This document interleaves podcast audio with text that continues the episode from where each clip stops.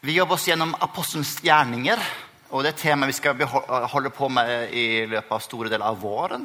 Så jeg tror det blir ganske spennende her. Apostelens gjerninger eh, forteller historien om den første menigheten. Og åssen de eh, vokste, åssen de hadde sine kamper, og eh, den første kristne liv, livet de levde. Og det er på en måte litt malen, og vi har kjempemye å lære fra dem. Og det er både utfordrende og spennende å gå gjennom og studere dem. Så vi skal egentlig jobbe gjennom mye apostelens gjerninger, men vi kommer til å hoppe litt frem og tilbake. Og øh, det kan virke litt rart å hoppe. Nå skal vi jobbe med kapittel 12. Ove hadde holdt på med kapittel 1 forrige søndag, så det kan virke litt rart. Men vi, vi har en plan med det. Og det er også blant annet at vi skal Vi hopper ikke over pinsen, men den har vi spart til pinsen. Så det, det, det, det er en plan, eh, en plan med det hele, og etter hvert så kan vi se litt hvorfor vi har valgt som vi har gjort. Eh, Temaet i dag som Tone sa, var at eh, Guds rike det er her nå. Men samtidig så lever vi i spenning med at Guds rike er her nå. Samtidig som det er noe som skal komme. Så vi lever i en spenningstid. Og det er det vi skal se på i dag. Eh, og vi skal se på historien om Peter. Hvordan han opplevde opplevd å bli redda av en eh, engel. Eh, og en inspirerende historie. Men samtidig så bakgrunnen er jo at Jakob også er i fengsel, men ble ikke redda. Så vi skal se litt på den spenningen. Eh, gjerninger kan egentlig oppsummeres i eh, tre ord. Det første er ordet kraft. Dere skal få kraft. Og den kraften, det er egentlig forandrer allting. Fra pingelen Peter så ble han Peter Klippen. da han fikk kraft. Den hellige ånd snudde allting på hodet. Fra at Jesus var sammen med disiplene, og de fulgte ham, så ble nesten alle disiplene små Jesuser pga. at Den hellige ånd flytta inn i dem. Så kraft, åssen det snur på, på, på, eh, på eh, alt, eh, er essensen av apostelens gjerninger. Du kan si Evangeliene kan handle om mye Jesu verk. Eh, apostelens gjerninger handler mye om Den verk. Men det er ikke Hellige alene. Han gjør det gjennom mennesker.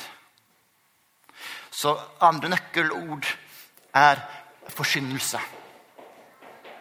Eh, eh, gjerninger er full av forkynnelse. Hvordan disiplene, fylt Den hellige ånd, gikk da ut og forkynte. Og så skjedde det ting. Eh, Jeg har eh, litt begrensa tid når jeg har forberedt det her. eh, For jeg har jobba som selger og sitter mye i bil. Så en av eh, forberedelsene mine er at jeg sitter og har hørt på hele Apostelens gjerninger på lydbok. Dere som har, er det noen som har Storytel hjemme? Ja? ja. Eh, Dere kanskje ikke vet at lydbibelen også ligger på Storytel. Så øh, du har hele Bibelen der, tilgjengelig på, på, i bilen. eller sånt da. Så øh, når jeg kjører rundt på kunde, kundebesøk denne uka, og så så har jeg og siste uka har jeg hørt litt på Apostelens gjerninger. Eh, og det er litt, Du får en helt annen vinkling på ting når du ikke bare leser, men du bare hører det muntlig. Så en ser at det er vanvittig mye forkynnelse og prekener som på en måte er kommet en, eh, oppsummert av pre, ulike prekener de første kristne hadde i Apostelens gjerninger. Så uh, bruk den tida vi har, til å høre på Bibelen. Sam hadde et uh, godt innspill på bibellesing eh, eh, på når vi hadde menighetsfest. Så ikke les Bibelen når du kjører bil, men lytt på den. Eh, så kraft og forkynnelse, det går hånd i hånd. Dere skal få kraft, og dere skal gå ut. Og de to på en måte er helt avhengige av hverandre. Det er så lett, Hvis vi går ut uten kraft, så blir det ikke mye resultat. Og har vi mye kraft uten, resultat, uten å gå ut, så skjer det ikke heller så mye. Så det, det er kraft å gå ut. Da blir det resultat. Da blir det dynamikt. For det er så lett å gå ut uten kraft, og det er så lett å sitte og kose oss med kraften her. Soaking, soaking, soaking. Jeg er Gud, jeg er Gud. Og det er bra, men det er jeg og Gud, så vi kan sammen gå ut til mennesker. Kraft og forkynnelse Det er resultater. Men da kommer det tredje nøkkelordet som vi ser igjen og igjen i, i, i, i um, gjerninger. Og det er forfølgelse. Når det skjer ting, når det kristne går ut og ryster samfunnet, så er det noen som ikke liker det. Og det bryter ut forfølgelse, forfølgelse, forfølgelse. Og det er et tema som går igjen gang på gang i hele Apostlens gjerninger. Og det, eh, når vi leser det for oss som lever her i Vesten, så tenk, kan de jo fort tenke at det blir veldig fjernt. Men det er faktisk interessant å tenke på i dag så er det mer forfølgelse av kirken enn noen gang.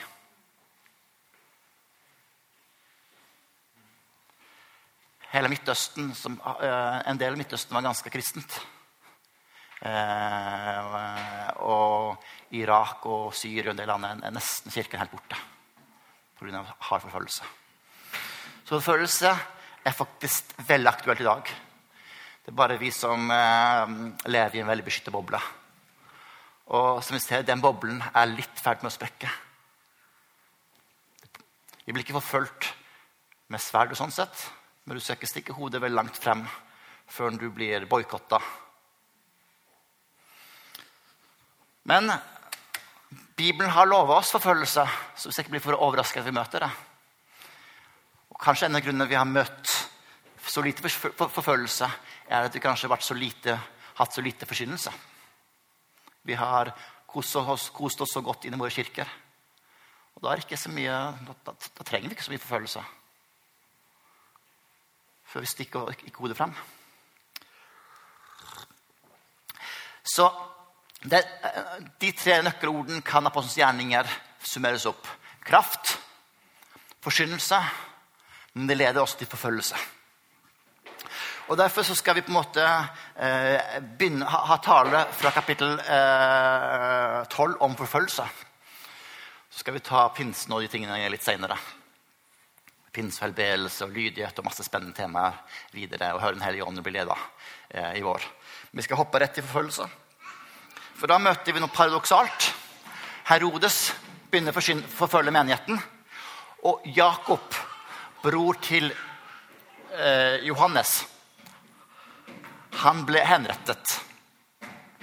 Og Når vi leser eh, evangelien, så ser vi at Jesus har tolv disipler.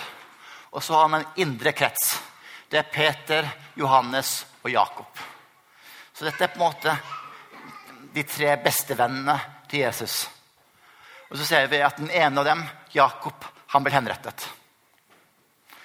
Og dette eh, liker jødene som forfølger um, kirken der.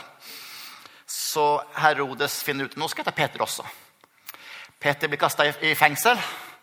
Og eh, Jakob han fikk bare ett lite vers her om, om at han ble henretta. Peters befrielse får eh, nesten et helt kapittel. Og det er en veldig spennende historie med litt humor og alt mulig. Eh, og eh, Lukas, som antageligvis har skrevet dette, her, har lagt masse detaljer, så vi skal skjønne litt hva som har skjedd. Han er en flink historieforteller. Som forteller at Peter han ble, sik han ble sikra skikkelig. Det var fire vakter som vakte han hele tida, med fire skift. Og han ble satt i innerste fengselet. Han ble lenka til to vakter så han ikke skulle kunne rømme på noen måter. Og så var det en jernport, og på utsida satt det to, to vakter til. Og, eh, så han var helt sikra. Og så, på andre sida, sitter menigheten og ber. Og de ber, og plutselig så våkner Peter av at en engel kommer og pirker borti ham og sier 'kle på deg', og lenkene faller fra, og vaktene sover videre. Og så leder han han ut til første porten, og den porten går opp. Og så eh, går han forbi vakten der, og så kommer han til neste porten, og den bare går opp. Og Peter han skjønner ikke hva som skjer. Eh, Peter, den store troshelten, han tror ikke at dette er virkelig, han tror et syn. Men så plutselig skjønner han at det her er sant, at han plutselig kommer på utsida av eh, fengselet.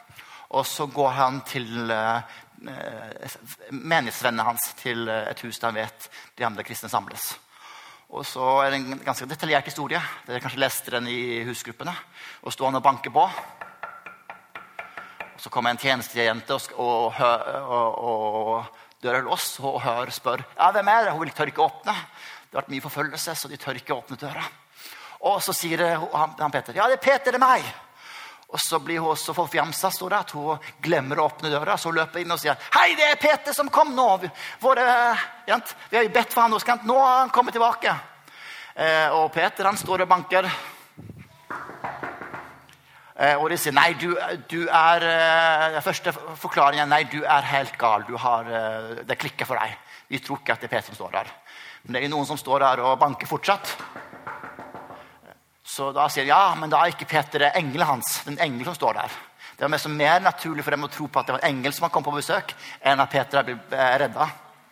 For erfaringen deres sa jo at folk blir ikke redda fra Herodes. De hadde erfart at Jakob ble jo halshogd. Så hvorfor skulle de tro på at Gud kunne redde Peter når eh, Jakob led den skjebnen? Men til slutt så fortsatte Peter. Han gav seg ikke. Han så banka og banka, og så slapp de han inn. Og da skjønte de at wow, Gud har svart våre bønner. Og så eh, var det skikkelig eh, hallelujastemning. Eh, og det er en ganske eh, spennende og inspirerende historie. Og det er utrolig gøy å se hvordan Gud har englevakt med Peter. Og det er gjerne den historien vi, vi underviser våre barn, og vi forteller at Gud passer på. Jeg har en engel som går ved min side. Gud passer på meg. Men i litt mer voksen alder så begynner du å stille ned et mer spørsmål. Ja, Men hva med Jakob? Hva med Johannes som mista broren sin? Hvorfor Gud? Spenningen med at vi tror på at Gud som mirakuløst redder Peter. Men hvorfor Jakob? Hvis du har tre nære venner du, som du fortrolige, som på en måte eh, Du delte alt. Tre venner som skulle være kjernen, som skulle på en måte bre, bre evangeliet ut. Tenk hva Gud kunne brukt Jakob til. Hvorfor mista han hodet?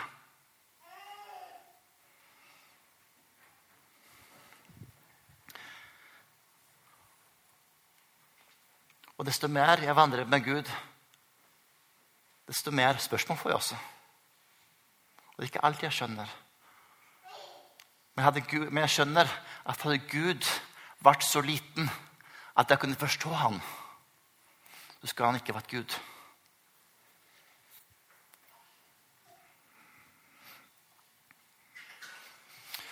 Så vi, vi lever nå i en tid med englevakt med helbredelse, med kraft. Samtidig så lever vi i forfølgelse, sykdom og død. Vi lever i den spenningen her.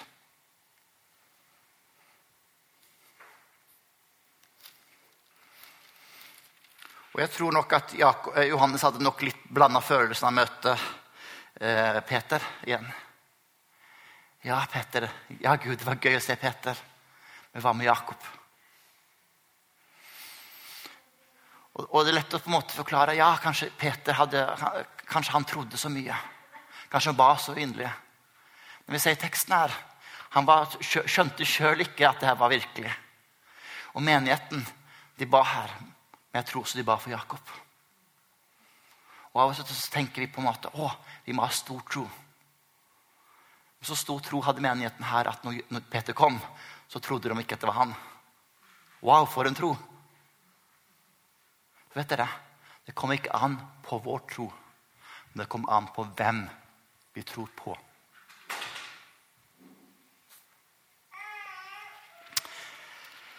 Vi skal hoppe tilbake til helt av begynnelsen, til, til eh, løftene i Apostelens gjerninger. Eh, litt av ordet vi holdt på med slapp sist. Vi snakker om at de, fikk løfte om Den hellige ånd, og de skulle være vitner videre. Det som er inter, interessant, er eh,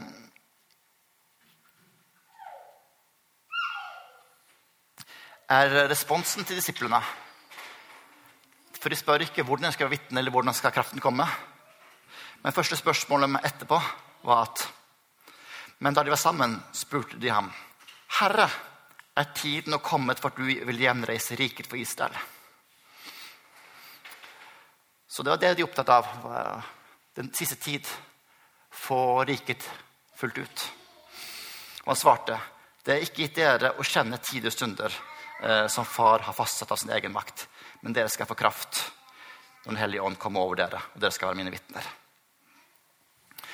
De Disiplene selv på det stadium hadde ikke skjønt hva det handla om.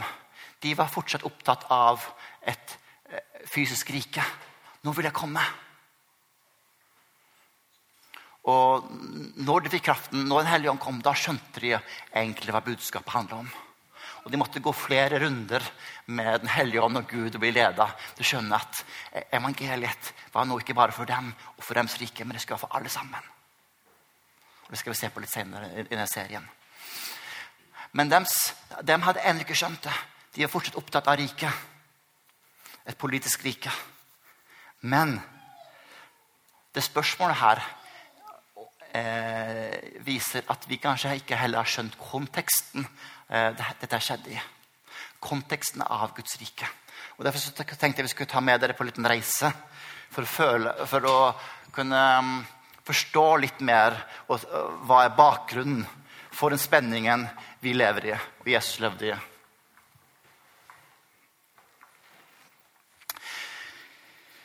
Så hvis vi går, tar hele evangeliet hele historien på noen få minutter.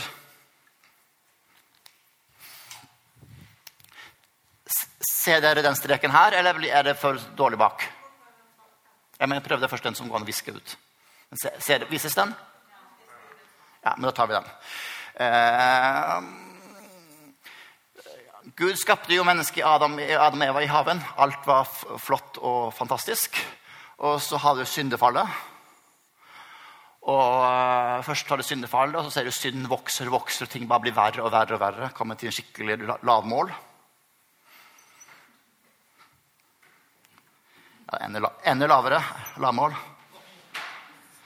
Eh, og så ser du en del ting i, Noen litt mer positive ting i, i sementet. Du har Abraham, som for, eh, blir kalt. Gud eh, ønsker å reise opp et folk og har løftet til Abraham om at ditt din ett. Men etter Abraham så har de 400 år i fangenskap. Så kaller Gud eh, kaller Gud Det skal ta litt lenger, mindre, så vi får plass. Abraham, så kaller Gud Moses. Eh, de blir kalt ut fra frihet av 400 år i fangenskap. Gud gav løftet til Moses, Gud ga løftet til eh, loven og eh, oppretta sitt folk. De fikk, og de fikk det lovede landet. Og så går det lovløse tilstander og masse problemer og dommer og masse Alt går i sirkler og dårlig. Og så har du den siste, da David, som eh, er et bilde på et kongedømme som skal komme. Og, da, og eh, det er Israels storhetstid. Der de har fred, og de har stor innflytelse. Og ting er veldig bra. Men etter David så går det nedover. Og Det er egentlig ganske kjipt hele veien frem til, uh, ja, frem til Jesus. Og jødene har et forventning om at Messias skal komme, Gud skal komme og opprette riket. Og da skal det bli bra. Da skal allting bli fantastisk. Så det er det som er håpet. At Gud, Gud skal komme tilbake og, og rette opp allting. Og Det er på en måte basert på øh, løftet til Abraham, til Moses og til David. Det er på en måte eh, prototypene, eller på en måte det som på en måte danner løftene for det som kommer. Så det er en forventning at ja, vi lever i den onde tidsalderen, men vi skal komme til Gud skal gjenopprette riket, og ting skal bli fantastisk bra. Og Dette blir også blandet inn med en politisk tankegang, at det skal bli et politisk rike.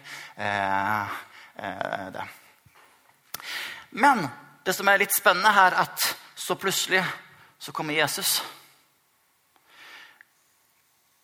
inn i historien. Ikke som en stor herskende konge og opprette allting, men han blir født som et barn. Han kom ikke i styrke, men han kom i svakhet.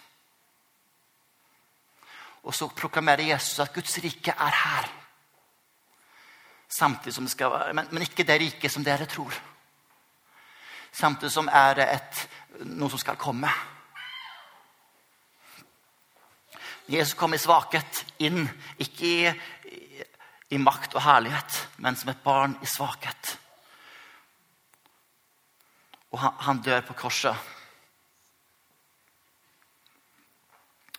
Og så får, eh, går han opp til himmelen. Og så lover han at Den hellige ånd skal komme.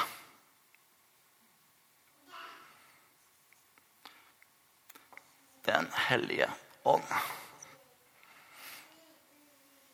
Og da spør de ja, dette disippelspørsmålet er ja, vil du da opprette riket? Så sier Jesus når dette her skjer, så er ikke deres, det er ikke deres business. Dere vet ikke, skal ikke vite om det her. Men det er deres business det er å få kraft og gå ut. Så disiplene de lever i den spenningen mellom at riket bryter inn. Men det bryter ikke inn i kraft og herlighet og makt på den måten. Men vi lever i en spenningstid. At vi lever her og nå. Vi lever i den virkelige verden her og nå. Ikke himmelen ennå. Men Gud bryter inn. Hans rike bryter inn. Mørkets makter som var her, de møter motstand. For, for, for, for Jesus komme, og han hadde makt over dem. Og så han fått opp, og så er vi blitt små Jesuser. For, ikke fordi at vi er så sterke sjøl, men for Den hellige ånd bor i våre hjerter. Og Gud utbrer sitt rike. Denne onde tidsalderen er eh, kjennetegnet av synd har makt. Den er kjennetegnet av sykdom, av død, av undertrykkelse. Den kommende tid, det er tilgivelse, det er frihet. Det er helbredelse, det er liv, det er overflod. Men den bryter inn i hverdagen. I, i den her. Og da lever vi i denne spenningstida. Er, Guds rike er her nå. Det, eh, Begrepet Jesus eh, og du kan finne den engelske bilden, er eh, The kingdom of God is at hand. Det er på en måte håndfast, den er gripbar, den er nær. Og Derfor kan vi oppleve det himmelske her og nå. Vi kan oppleve helbredelse. Kan oppleve frihet. Vi kan oppleve seier. Samtidig som det også skaper en krig, og vi møter motstand. Enhver som lever et gudfryktig liv, eh, skal bli forfulgt. Det er det løftet Jesus har til sine disipler. Som Churchill sa når han den første talen, en tale som er kalt 'blod, svert og tårer', at kan, det eneste jeg kan love dere, er blod, svett og tårer. Men vi skal, se, vi skal kjempe gjennom til en endelig seier. Og Det er litt det budskapet Jesus har disiplene. Mine løfter er blod, svett og tårer. Jeg setter dere ikke her, men jeg setter dere der. Men dere er ikke alene. Gud er med. Den hellige ånd er med, for han bor på innsida. Og Derfor lever vi i den spenningsfeltet. Og Derfor så lever vi i spenningssettet. vi ser helbredelse. Samtidig mange sliter med sykdom. Og Det er en spenning som er tøft å leve i skulle ønske at Gud var som en colamaskin. Du putta på en bønn, og så dro du på en knapp, og så fikk du ut helbredelsen. Men Gud er ikke en colamaskin. Han er Gud, og vi lever i spenningen. Og Derfor så opplevde Peter, Peter englevakt, men ikke Jakob. Hvorfor? Jeg har ikke noe svar, men det er del av spenningen en del av de som, Vi hadde besøk av en som øh, jeg tror det var i Søgne, en som på, hadde, hadde skikkelig sterk bønnetjeneste, helbredelsestjeneste. Og drev et bønnerom i USA. hadde så vanvittig mye skjedde. Samtidig som han hadde en kronisk sykt barn som ikke, som ikke ble helbreda. Vi lever i den spenningen.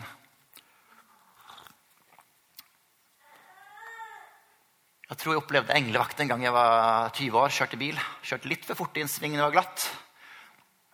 Eh, plutselig så svingte bilen 180 grader, og hadde feil. Fronten var der baken skulle være, og jeg fortsatte å gli og gli. Og gli. Og så plutselig så gled det 180 grader til, og så fortsatte jeg. Og min far satt på, og han sa at ja, det trodde jeg ikke skulle gå bra. sa han bare tørt. Eh, og så kom vi frem til eh, noen gamle tanter, og de sa at ja, de hadde vært så urolige, så de hadde bedt skikkelig for oss. Og, og, og, vi, og, jeg har hørt så mange historier. Og jeg tror når vi da kommer til himmelen, og, så tror jeg vi får på en måte se litt en revy av livet vårt. Og så tror jeg der vi har følt oss mest alene, og har følt at wow, det gikk bra, det var en tilfeldighet, så så vi sett wow, Gud var med. Jeg hadde englevakt der. For Gud passer på. Det er en del av sannheten. Samtidig lever vi i en kamp. Keith Green var en av mine store musikerhelter da jeg var vokste opp. Og På høyden av hans karriere så satte han seg i et lite fly sammen med sine to unger. Og det flyet krasja. Han kunne betydd så mye mer for kristen musikk. Hvorfor Gud?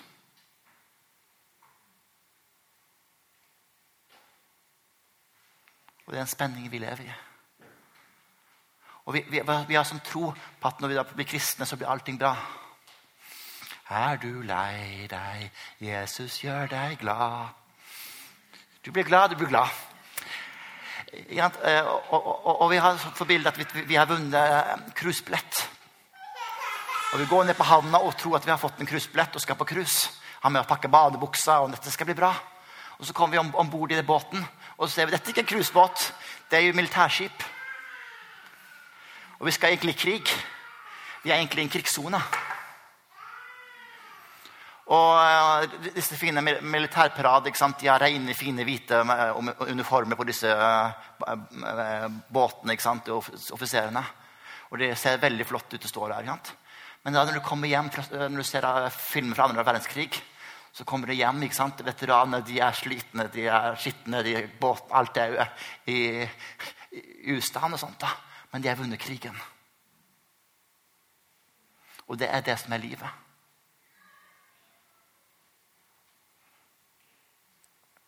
Vi er kalt ikke til å være med på cruiseskip, men krigsskip. Og Det fortere vi forstår at vi egentlig skal i en krigssone, desto bedre. Jeg har levd så beskytta boble i livet vårt her at vi tror at alt er bra. Vi har tatt av og til himmelen på forskudd, for vi har det så bra velstand her. Og det tørre å leve i spenningen. I dag, er, Hvis jeg hadde gått i Den norske kirken i dag, så skulle vi fått en tale om den blinde mannen som Jesus fikk, fikk synet. Så i dag så snakker de om den gang i året snakker de om helbredelse i kirken. egentlig. Og Jeg leste um, en artikkel i dagen i går om uh, hvordan det var å gå, som blind i kirken den søndagen. Og en dame som sa at denne søndagen går ikke i kirken. Hun går resten av året, men den søndagen går ikke. og vet den teksten kommer. For det er så tøft å oppleve, oppleve forsynelse om helbredelse når man sjøl sliter med sykdom. Vi skulle ønske vi var der, men vi lever den spenningen. Og vi må kunne leve ærlige liv. Men, men, men samtidig så må vi ikke på en måte bare leve her og glemme det guddommelige. Vi må kunne tørre å snakke om helbredelse samtidig som vi vet at det er en spenning. At det er tøft. Alle Jesus helbreda, døde før eller senere av sykdom. Og det er det som er det av livet. Livet er ikke pyser. Men Hellige Ånd har lovt å være med.